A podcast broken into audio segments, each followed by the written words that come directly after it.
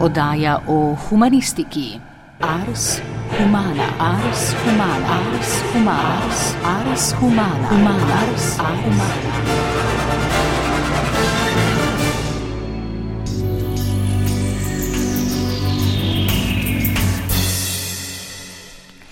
Filmska dediščina tako pri nas kot po vsem svetu z leti propada. Zgodnje vrste filmskega traku, nitratne kopije, so bile zelo unetljive. Če pa niso izginile v požarih, so preperele do te mere, da so se zdrobile v prah ali pa so jih celo reciklirali, saj so vsebovale srebro. Poznejše kopije, ki so jih nadomestile, se zaradi svojih fotokemičnih značilnosti na različne načine razkrajajo. Pri barvnih filmih bledijo ali se drugače spreminjajo barve. Nasplošno ocenjujejo, da je od filmov, ki so nastali v prvi polovici 20. stoletja, torej pred letom 1950, kar 90 odstotkov nemih filmov zato danes zavedno izgubljenih. Pri zvočnih filmih pa je izgubljenih približno polovica. Pomemben razlog za takšno stanje je tudi dejstvo, da je filmsko restauratorstvo razmeroma mlada stroka. Uradno obstaja šele od 80-ih let, ko je UNESCO gibljive slike priznal kot del svetovne kulturne dediščine. Kaj je torej filmsko restauratorstvo in kako poteka? So, when one's restoring a film, one is really trying to create the best possible experience. And what that means is Ko restauriramo film, poskušamo ustvariti najboljšo mogočo izkušnjo. To pomeni, da poiščemo najzgodnejšo kopijo filma, ki jo je mogoče najti, in kopijo najvišje kakovosti in jo primerjamo. Tako vidimo, ali so film spreminjali, ali obstaja več različic. In ugotoviti je treba, kaj so ustvarjalci sprva nameravali. Vidimo, kje so kopije poškodovane, ali so začele propadati, morda kakšen del manjka. Vse to moramo primerjati in sestaviti kot sestavljanko. Z najboljšo možno kakovostjo vsakega dela in najbolj avtentično možno vsebino. Da bi ugotovili, kaj so ustvarjalci sprva nameravali, je treba hkrati narediti obsežno raziskavo tistega časa in dogajanja, seveda pa tudi tega, kako je bil film v preteklosti videti. Včasih je režiser ali režiserka še vedno živ, živa in takrat se lahko o tem posvetuješ kar z njim ali z njo. Težava pa je v tem, da so se lahko njihove zamisli z leti spremenile. Včasih pozabijo ali trdijo, da so naredili nekaj, jaz pa imam pred sabo dokaz, da so naredili nekaj drugega. Vedno pa seveda poskušamo pridobiti njihovo mnenje, sicer pa se zanašamo na raziskavo in na preučevanje gradiva. Vsak film je zgodba zase. Še posebno neodvisni film, s katerim se ukvarjam, je zelo raznovrsten.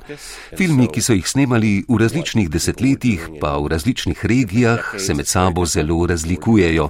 Celo pri ustvarjalcih, ki so si časovno in geografsko blizu, so lahko nastala popolnoma različna dela. Držim se torej principa, da vsako filmsko delo vzamem posebej in mu pustim, da me vodi, da mi samo pove, kaj je treba storiti.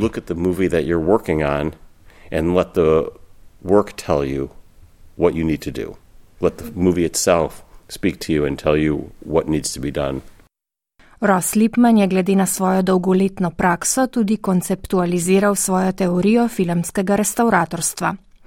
Ta je bila v filmskem restauratorstvu dolgo sporna in sicer zaradi tega, ker je trdil, da je restauriranje filmov nujno subjektivno, torej da je končano delo drugačno od enega restauratorja, restauratorke do drugega in njegovih ali njenih odločitev. Takšno stališče je bilo v teoriji ohranjanja umetnin nekoč tabu. Yeah, I guess It's getting a little less controversial now because people are beginning to understand that subjectivity enters into the process. Zdaj postaja manj kontroverzno. Ljudje začenjajo razumeti, da je subjektivnost del procesa. Še vedno pa veliko ljudi misli, da je samo en objektivni način, kako naj bi bil film videti. To ni čisto res, še posebno pri neodvisnem ali umetniškem filmu ne. Včasih obstaja več kopij filma, ki med seboj niso enake. Avtor jih je mogoče odobril več, tudi te si med seboj niso enake. Morda je v filmu telefon modre barve, a ta modra je videti drugače od enega do drugega filma. Kako izbrati pravi odtenek modre? Izbereš pač. Ampak jaz bi izbral drugače kot vi ali pa kdo tretji. Zato pravim, da je ta postopek zelo subjektiven. Veliko ljudi tega ne razume, pravijo, film pač pošlješ v laboratorij in tam ga podvojijo. Ne upoštevajo pa, da je tudi v laboratoriju nekdo izbral, poskušal določiti, kakšen odtenek naj bi imela tista modra barva.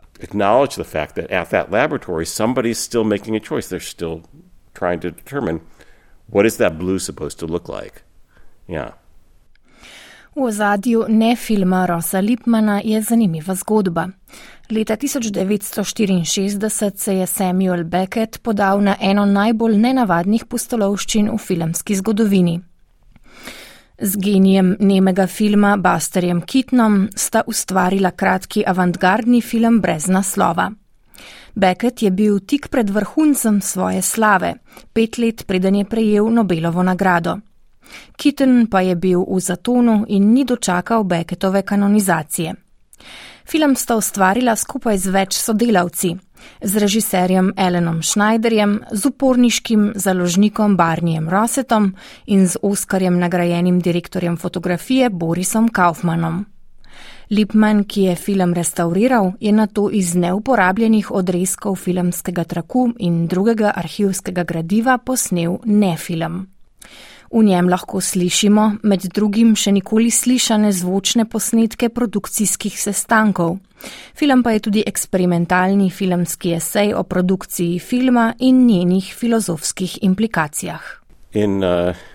The early 1960s, Barney Rossett, who was the publisher of Grove Press, which was a very important radical publishing house in New York, V zgodnih 60-ih je Barney Rosset, ki je bil založnik pri radikalni in avantgardni njujorški založbi Grove Press, pri nekaterih svojih avtorjih, kot so bili Marguerite Duras, Eugene Ionesco, Samuel Beckett in mislim, da tudi Harold Pinter, naročil filmske scenarije. Beckettov je bil edini, ki so ga posneli. Napisal je scenarij, ki se je poglabljal v njegove ideje o filmu samem. V mladosti je bil zelo navdušen nad filmom, zanimale so ga tudi Brklijeve filozofske teorije, ki jih je povezal s filmom. Nastal je filmski scenarij in to za nemi film, kot jih je Beckett gledal v mladosti. Izbira igralca za glavno vlogo je bila temu primerna. K sodelovanju so povabili velikega zvezdnika nemega filma Busterja Keatona. Nastalo je nekaj zelo nenavadnega. Film, ki sta ga naredila bodoči Nobelovec Beckett in zvezdnik v zatonu karijere Buster Keaton. Ne bi si predstavljali, da sta imela kaj skupnega, a film obstaja. Beckettov scenarij je zelo zanimiv, vsebuje diagrame, fotografije, videl sem ga kot študent. Ko se je pojavila priložnost, da sem spoznal Roseta in da Beckettov film prinesemo na UCLA, kjer sem delal, sem jo pograbil. Podprla nas je fundacija Martina Scorseseja in film smo restaurirali. Potem me je vse skupaj začelo še bolj zanimati. Posrečilo se mi je, da sem dobil neuporabljene odrezke iz filma in že sem o tem snemal dokumentarec. Nastajanje Beckettovega tega filma je zelo lepo opisano v spominih režiserja filma Elena Schneiderja. Veliko stvari pove, omenja pa tudi nekatere kadre, ki v končno različico filma niso prišli. Če veste kaj o Beckettovem filmu, veste, da so v njem pomembni prizori, ki jih v njem ni več. Kaj se je z njimi zgodilo? Barnija sem o tem veliko spraševal. Začela sva se bolje spoznavati. Živel je na četrti aveniji v četrtem nadstropju, čisto na vrhu stanovanske zgradbe. Ljudje so romali k njemu, da bi obiskali tega legendarnega založnika. Jaz sem šel k njemu vsakič, ko sem prišel v New York. On je tam sedel, pil rum kole in pravil zgodbe o Beckettu, Ženeju in vseh teh ljudeh. Čez čas mi je začel zaupati in mi jih preprosto dal. Iz filma so izrezali zelo znam prizor. Ko sem pregledoval izrezke, sem ugotovil, da nikoli niso posneli celega. Posneli so delčke, ne pa celotnega prizora. Imamo DVD Beckettovega filma in naredil sem sem rekonstrukcijo tega prizora. Uporabil sem izrezke, nekatere produkcijske fotografije in Becketov scenarij, ki je opisoval, kaj naj bi se zgodilo v prizoru, ki ga niso posneli. Poskušal sem ugotoviti, kakšno vlogo naj bi ta prizor imel. To smo vključili kot dodatek, ki zdaj na DVD-ju. Nekaj materijala lahko vidite tudi v mojem dokumentarcu, ne filmu. Kar me je res presenetilo, pa so bili drugi posnetki. Bilo je toliko izrezkov, veliko posnetkov Busterja Kitona. Veliko jih je bilo bolj zabavnih od tistih, ki so res pristali v filmu, a jih niso smeli uporabiti, ker si je Beckett zamislil, da bo imel glavni junak, ki ga Kiton igra, hrbet vedno obrnjen proti kameri. To je bilo zelo strogo pravilo. Kamera ni smela posneti njegovega obraza. Kadar ga je po nesreči, je to pomenilo, da bo šel tisti posnetek avtomatično med izrezke. Imeli so boljše posnetke, a se je na njih videl kitenov obraz. To je bilo pravo odkritje. Nekaj sem jih uporabil v svojem filmu, drugi so na DVD-ju. Našel sem tudi druge, presunljive posnetke samega snemalnega prizorišča, ki sem jih vključil v ne film.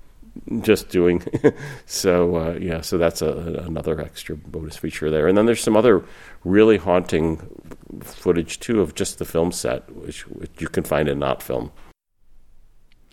Izrezane prizore filmski ustvarjalci in ustvarjalke, ki radi ustvarjajo z arhivskim materialom, v zadnjih letih večkrat uporabijo, da iz njih ustvarijo povsem novo delo, ki pa na takšen ali drugačen način, če tudi metatekstualno, vseeno stopa v dialog z izvirnim delom. Deli filmskega traku, ki so jih pogosto zavrgli, lahko z leti in z drugačnimi pogledi na določen čas ali ustvarjalca, ustvarjalko, postanejo neprecenljivi. Yeah, but outtakes aren't always kept. Yeah. You know, I mean, even a lot of complete works aren't kept, so quite a bit of. Izrezki se ne ohranijo vedno. Celo celi filmi se ne ohranijo. Velik del filmske zgodovine je izgubljen, ker so filme vrgli stran. Izrezke so zavrgli še predtem. Imamo tudi izrezke, ki niso celi, recimo ker so sliko in zvok snemali ločeno. Veliko izrezkov iz filma Johna Casavitisa sem dobil, ko sem delal na UCLA, kjer imajo filmski in televizijski arhiv. Mislili bi si, da bodo zelo pomembni, ker je bil znan potem, da je vsaj včasih uporabljal metodo improvizacije. Vse te posnetke imamo, ampak samo sliko, zvoka pa ne. Da bi jih lahko zares razumeli, bi potrebovali zvok. Imamo jih, niso pa tako uporabni, kot smo upali. Zelo zanimivi so dokumentarni filmi. Včasih ustvarjalci posnamejo več kot uro dolg pogovor s pomembno zgodovinsko osebnostjo, od katerega za film uporabijo pet minut ali še manj. Kaj pa preostanek ure? Na UCLA smo imeli izrezke iz zelo pomembnega dokumentarnega filma z naslovom The Times of Harvey Milk, za katerega so posneli veliko ljudi, ki so pripovedovali o gejevski in lezbični zgodovini San Francisca, ki je seveda zelo pomemben del zgodovine zgodovine tega mesta. Zelo pomembni posnetki. V izrezkih je bilo veliko pomembnih intervjujev. To je primer, ko imajo izrezki lahko veliko vrednost.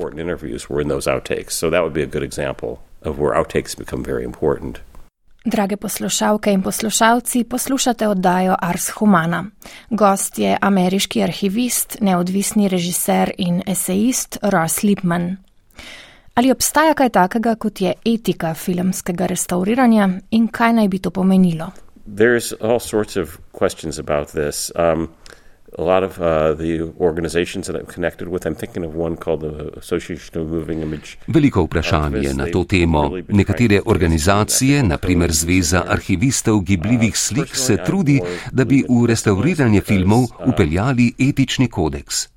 Sam bolj verjamem v načela. Ko enkrat obstaja kodeks, je ta absoluten in ne dopušča odstopen, ne glede na okoliščine. Mislim, da so načela boljša, ker imajo etično osnovo, a se lahko prilagajajo posameznemu primeru, recimo, če je ta bolj zapleten. Večkrat mi je uvodilo čudoviti kratek esej znane arhivistke Eileen Bowser, ki je delala za Muzej moderne umetnosti. Napisala je besedilo, besedilo za Griffithijano, ki jo izdaja festival nemega filma v Pordenoneju o načelih filmskega restauriranja. Nekatera načela so bila zelo enostavna. Ne naredi ničesar, česar se ne da popraviti. Če kaj spremeniš, je to v redu, ampak povej, da si to spremenil. Tako razumemo, kako si v neko delo posegel. Vemo, da si lahko ogledamo izvirno različico ali različico, za katero sami presodimo, da je izvirna. Due to the other principle, you know, you can always, someone else can always go back and create what they think is the original version. Pogosto si predstavljamo, da pri obnavljanju oziroma restauriranju nekega umetniškega dela skušajo odstraniti vse nepopolnosti, da nimo pri filmu vse praske, napake v filmskem traku, vse motnje popolne slike. Pa vendar ni čisto tako. Well, it's a little bit futile to try to remove every imperfection. If you, uh, let's just give an example of uh, like if you're cleaning up dirt in a film. Brezplodno bi bilo poskušati odpraviti vsako nepopolnost. Recimo, če s filma čistiš umazanijo, greš skozi film in čistiš drobce umazanije. Znebiš se velikih, tistih, ki res bodejo v oči. Potem odstranjuješ tiste, ki so srednje veliki, potem tiste, ki so manjši. Ko prideš do te stopnje, se tisti, ki so manjši, začnejo zdeti veliki.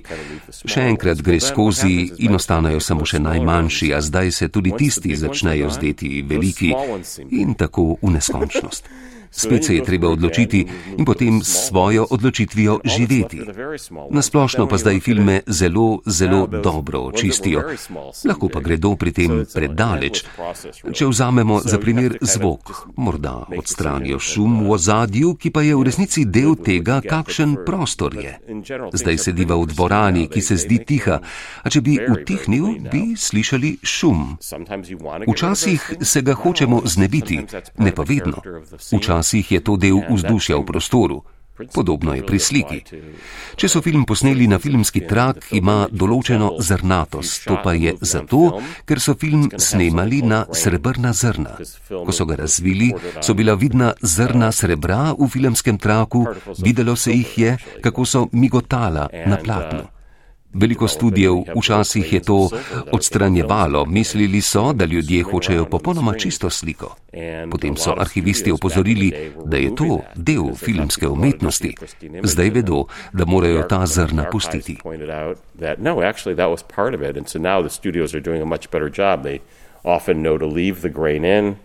And uh, so things like that can happen ali pri restauriranju kdaj namenoma ohranijo napake v kakšnem filmu, ker so te del umetniškega dela ali pa so značilne za kakšno posebno obdobje ali gibanje. Oh, yeah, very definitely. So, one example is I work with the estate of an artist called Bruce Connor. Gotovo. Naprimer, delal sem z zapuščino umetnika Brusa Connorja. Znan je bil potem, da je pri svojem delu uporabljal arhivsko gradivo. Zbiral je odrezke, koščke 16 mm filmskega traku, ki ga je kot kolaž sestavil v novo filmsko delo.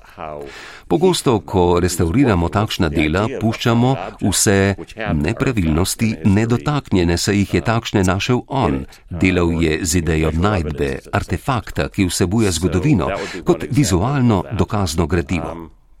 Še en primer je film Shadows Johna Casavitisa.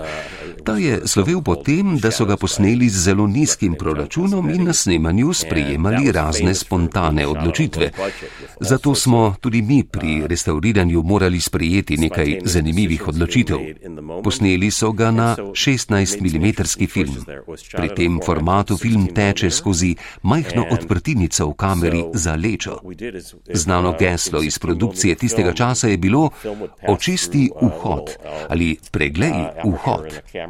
Ko so nekaj posneli, so se morali prepričati, da na njem ni bilo nobenega lasu ali česa podobnega, sicer bo na posnetku velik las, ki ga v digitalni tehnologiji morda ne bi videli, na filmu pa se je videl. Na snemanju tega filma so hiteli in za takšne stvari niso imeli časa, zato je na filmu veliko las z kamere. Ko smo film restaurirali, smo jih pustili notri, saj so film tako posneli. Zanimivo pa je, da so film na to povečali na 35 mm format. To je pomenilo, da je šel še skozi eno kamero, kjer je bilo še več las, ki so se ujeli v vhod. Odločili smo se, da ti niso del izvirne produkcije, ampak poznejše dodelave. Odstranili smo torej lase, ki so bili tam zaradi optičnega tiskalnika, ne pa tistih, ki so bili tam zaradi kamere. Nekoliko prismuknjena odločitev, a nekje smo morali potegniti črto. Še en primer subjektivnosti. Kdo drug bi se najbrž odločil popolnoma drugače.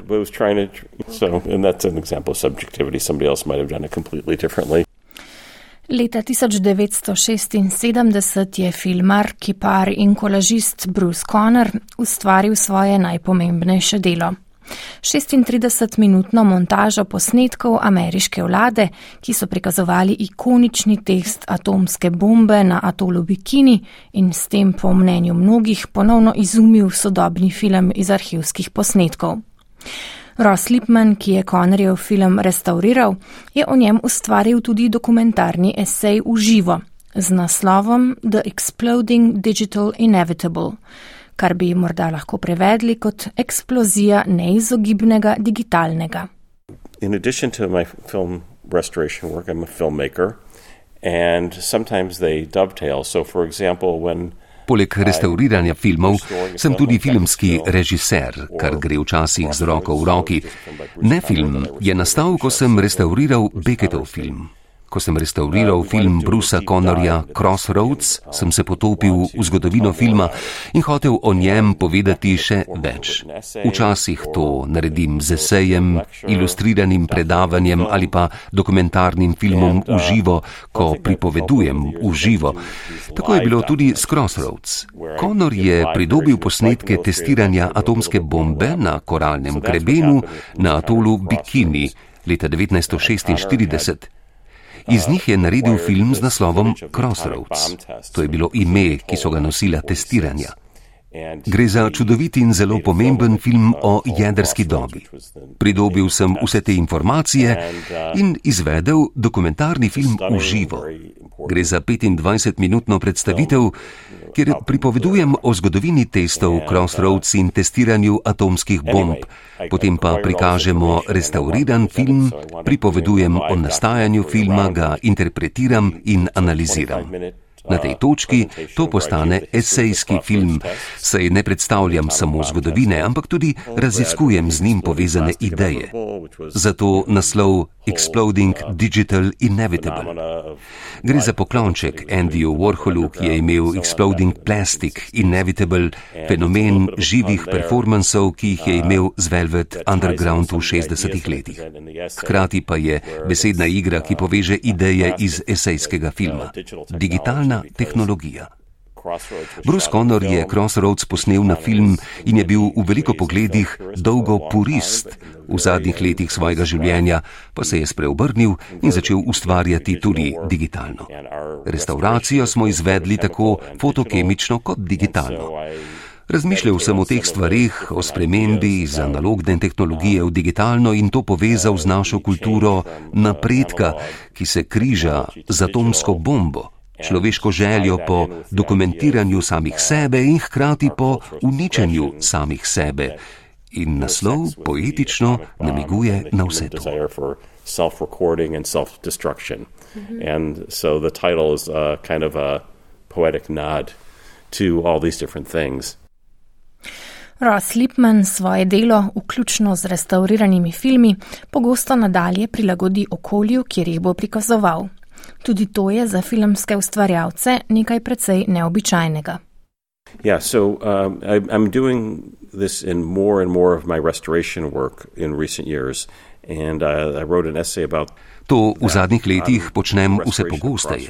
O tem sem napisal esej Restauriranje filma Crossroads za revijo Art Forum. Eno enačico filma smo naredili v originalnem 35 mm formatu, ki je bil izvirni medij, na katerem je nastal film, zato smo v tem primeru ohranili nekaj, čemur rečemo specifičnost medija. Naredili pa smo tudi digitalne kopije in sicer različne glede na format. Naprimer, datoteke DCP, ki jih lahko prikazujejo v kinih. Film Crossroads pa so pogosto prikazovali tudi v umetnostnih galerijah, saj je bil poznan tudi kot kolažni umetnik, fotografiral je, slikal, delal konceptualne potegavščine in razne druge stvari. V galeriji se običajno ne da prikazati filma z DCP, pa tudi s 35 mm filmskega traku ne. Zato smo pripravili digitalne datoteke tudi v drugih formatih. Moja sodelavka Mišel Silva pogosto pripravi datoteke, ki so posebej prilagojene določenemu okolju.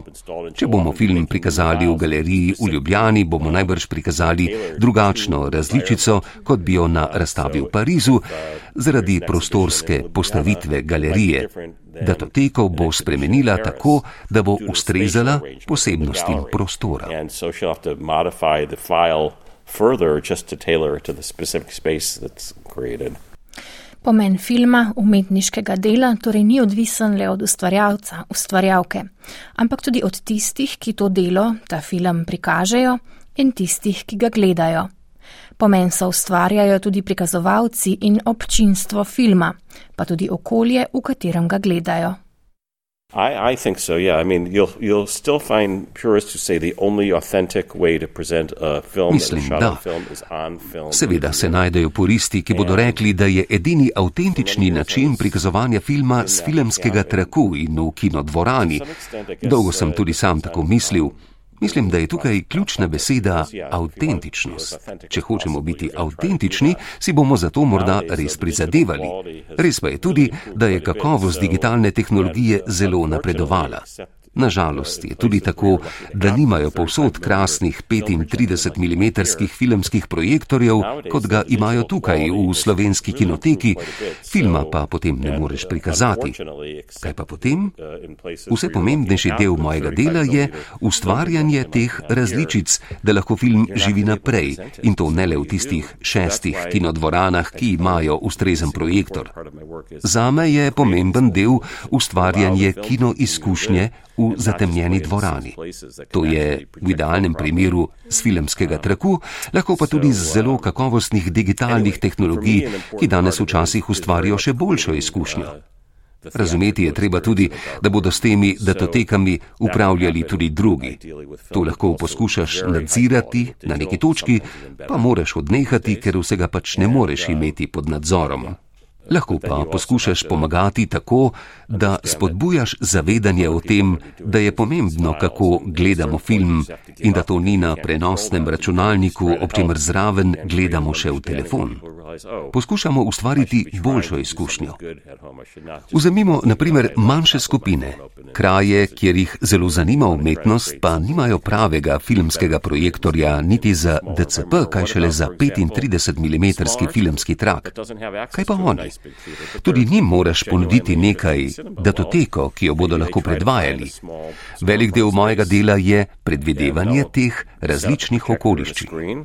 So you want to have something for those people, right? Mm-hmm. They might not be able to do 35 millimeter or DCP. What about them? You want to give a you want to have a file that they can use, right? Mm. So a lot of my work is really trying to anticipate these different environments that we encounter now. Nekatere filmske puriste bi to morda razburilo. Kot rečeno, prepričani so, da je samo en pravilen način gledanja filmov - s filmskega traku in v kinodvorani. Nekateri gredo celo tako daleč, da odsvetujejo filmske podnapise. Ti naj bi bodi si kazili sliko ali pa so vir svetlobe pod filmskim platnom, ki naj bi že vplival na sliko in jo spreminjal. Let me add one qualification though. I mean, it might not sound like it from uh, the way that I'm talking, but it's all about creating the highest possible quality experience. And Morda ni slišati tako, ampak še vedno mislim, da je ključno, da ustvarimo najboljšo možno izkušnjo.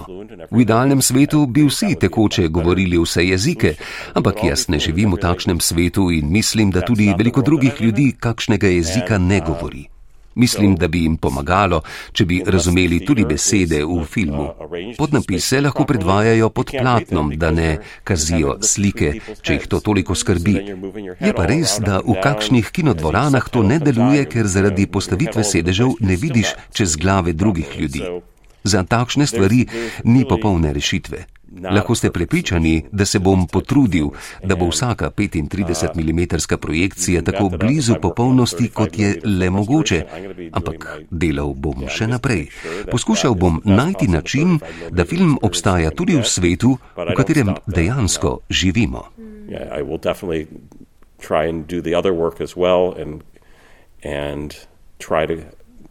Find ways to let that film exist in, in the world that we live in.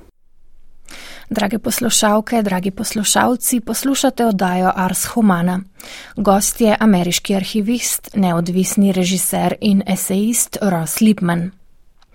Na kakšne načine so pri prikazovanju filma ključne odločitve filmskega operaterja ali operaterke? Oh, well, it's an underappreciated art.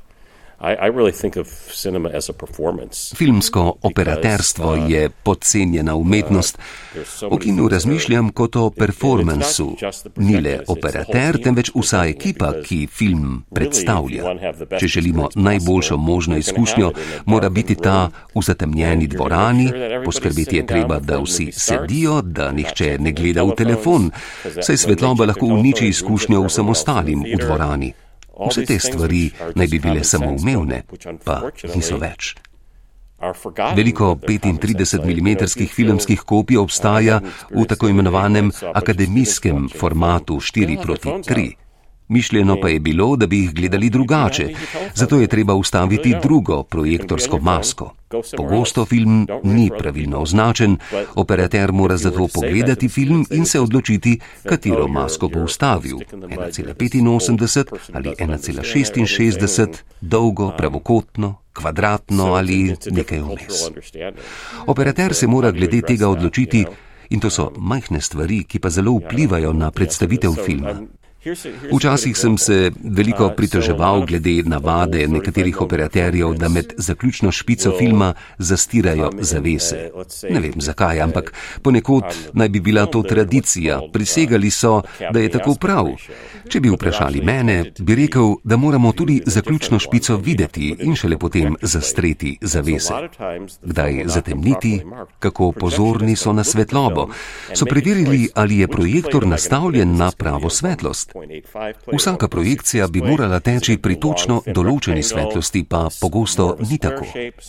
Operater mora vse te stvari poznati, izvirajo iz časov nemega filma. Takrat so filme vrteli ročno in kadar to počneš ročno in ne z motorjem, se spreminja hitrost vrtenja. Hitrost so spreminjali glede na dogajanje v filmu. Niso torej poskušali ustvariti iluzije popolnoma enakomernega predvajanja filma, kadar je bil prizor komičen, so ga vrteli hitreje. Ni veljalo, da je nekaj prav, drugo pa narobe. Prikazovanje filma, filmsko operaterstvo je bil performance.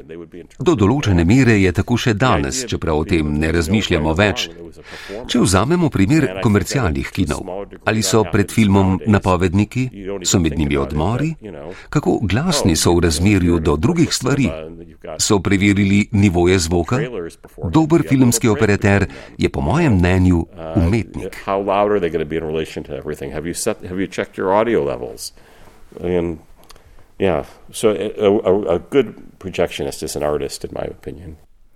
Zdi se, da je film v primerjavi z drugimi umetnostmi nekakšna posebnost v smislu tega, kako njegovo vsebino pogosto ločujejo od samega medija. Splošno občinstvo filma, pa tudi filmski kritiki in kritičarke, se pogosto pogovarjamo samo o filmski pripovedi, kot bi brali knjigo ali gledali gledališko predstavo. Tu in tam morda omenimo tudi, kakšna je bila fotografija filma, morda montaža. Samemu mediju, bodi si fotokemičnemu filmu ali pa digitalnemu, pa nasplošno le redko posvečamo pozornost, če nismo ravno strokovnjaki, strokovnjakinje zanj ali pa se zelo zanimamo za eksperimentalni film. Zakaj je tako? Ali s tem ne izpuščamo bistvene razsežnosti nekega umetniškega dela? For one thing, when we're viewing things in distracted environments like at home, Kadar gledamo filme v okoljih z motnjami, kot je naprimer doma, je iz njih najlaže potegniti vsebino. Vprašanja, oblike so izgubljena, ker je občutek za svetlobo, za barve, za zvok, če film gledamo na prenosnem računalniku ali po televiziji, okrnjen. Imate luči v sobi, morda se na zaslonu blešči odsev, morda je svetlost drugačna. Na televizorju ne veste, kako bodo videti barve, ker je vsak televizor drugačen. Če ste umetnik, ki dela s svetlobo, zvokom in barvo, se vse te stvari začnejo nenadzorovano spreminjati, ko delo pošljete v svet. V kinodvorani to vsaj v teoriji lahko nadzorujete. V kinoteki so prikazali filme zelo blizu temu, kar sem posnel. Če pa bi jih gledali doma, kdo ve, kaj bi videli. Svetloba, barve, zvok. To je filmski medij in vendarle na to včasih pozabimo. Kar ostane nespremenjeno so dialogi. Razumete jezik, razumete ideje. Zato se ljudje osredotočajo na nje, druge plasti dela pa poniknejo. Ne razmišljajo o njih. To je ena stvar. Druga je, da je pomankanje razumevanja tehnologije in forme. C.P. Snow je napisal esej z naslovom Dve kulturi, v katerem razlikuje med literarno, umetniško kulturo in kulturo znanosti. Ko se pogovarjam z akademiki, se zavem, da zelo redko razumejo tehnologijo. Najpametnejši med njimi ne vedo, kaj govorijo, ko poskušajo opisati tehnološki proces. Citirajo, trudijo se, a v resnici ne vedo, kako deluje. C.P. Snow je opazil nekaj zanimivega in sicer, da se znanstveniki bolj potrudijo razumeti umetnost, kot pa umetniki znanost. Ne vem, če res lahko tako posplošujemo, ampak res se zdi tako. Želim si, da bi moji kolegi akademiki več vedeli o tehnološki plati filmske umetnosti, tako bi lahko bolj razumeli, cenili, kaj vse je nastanek nekega dela zahteval. A vsak od nas prispeva kaj drugega, tudi njihovo delo je zelo pomembno. Um, because you can get a you can get a real appreciation of what went into something that way. But anyway, we all contribute something, so and and their their contributions are really important as well. So. Pri nas imamo lepo tradicijo eksperimentalnega filma, a ta ni široko poznana in se nažalost šele zdaj z napori slovenske kinoteke prebija v uradni kanon slovenskega filma. Primer umetnika, ki ustvarja samo materialnostjo filmskega medija, je Davorin Marc. Njegov film Ugrizni me že enkrat iz leta 1980 na prvi pogled deluje kot animirani eksperimentalni film. Nastal pa je tako, da je Marc filmski trak prežvečil. Slina je reagirala s fotokemikalijami na filmskem traku in spremenila barve. Nastali so zanimivi vzorci.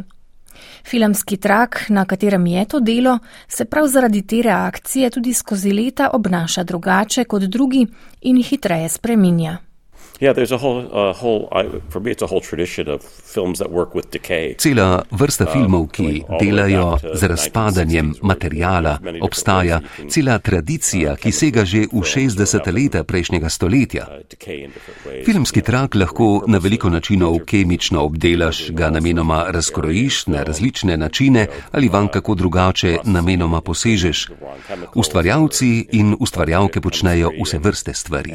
Nekateri filmski trak zrak zakopljajo, drugi ga obdelajo z napačnimi kemikalijami, z alternativno kemijo. Tudi če ga obdelajo s pravimi, se bo pogosto spreminjal. Zelo malo barv je obstojnih. Tudi tiste, ki so, se bodo s časoma spremenile. Umetnik, ki ga omenjate, je šel v skrajnost, da je pokazal, kaj se subtilno dogaja z vsemi filmi.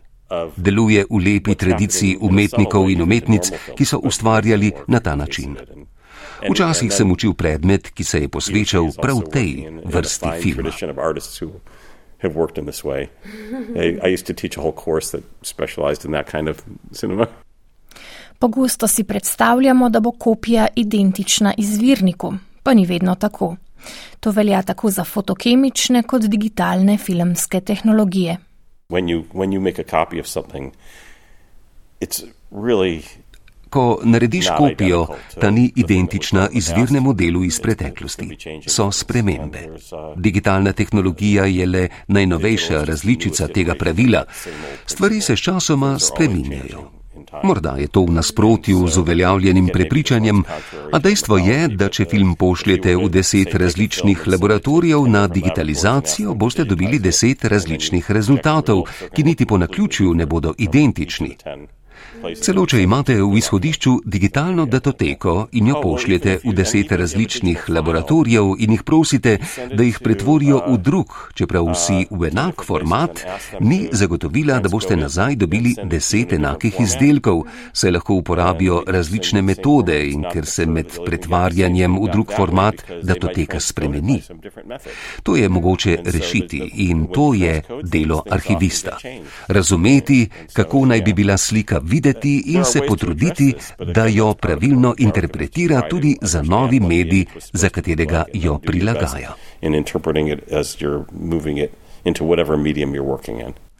Veliko govorimo o digitizaciji in digitalizaciji filmske dediščine. S tem, ko neko filmsko delo z filmske kopije prenesemo na digitalni medij, pa ne zagotovimo njegovega obstanka. Morda se premalo zavedamo, da ima tudi digitalna tehnologija svoje omejitve. Še več, da je njen rok trajanja pogosto še krajši kot pa pri analognih medijih.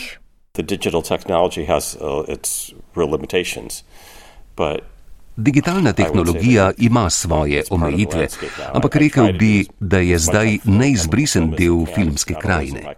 Skušam delati na fotokemični film, kolikor le morem, a nimam vedno izbire delaš s partnerji, financerji in tako naprej. In če ustraješ pri filmu, se lahko zgodi, da ne boš na koncu v praksi nič delal, ampak ostal pri teoretičnih argumentih za filmski trak. Jaz se trudim za delo v praksi.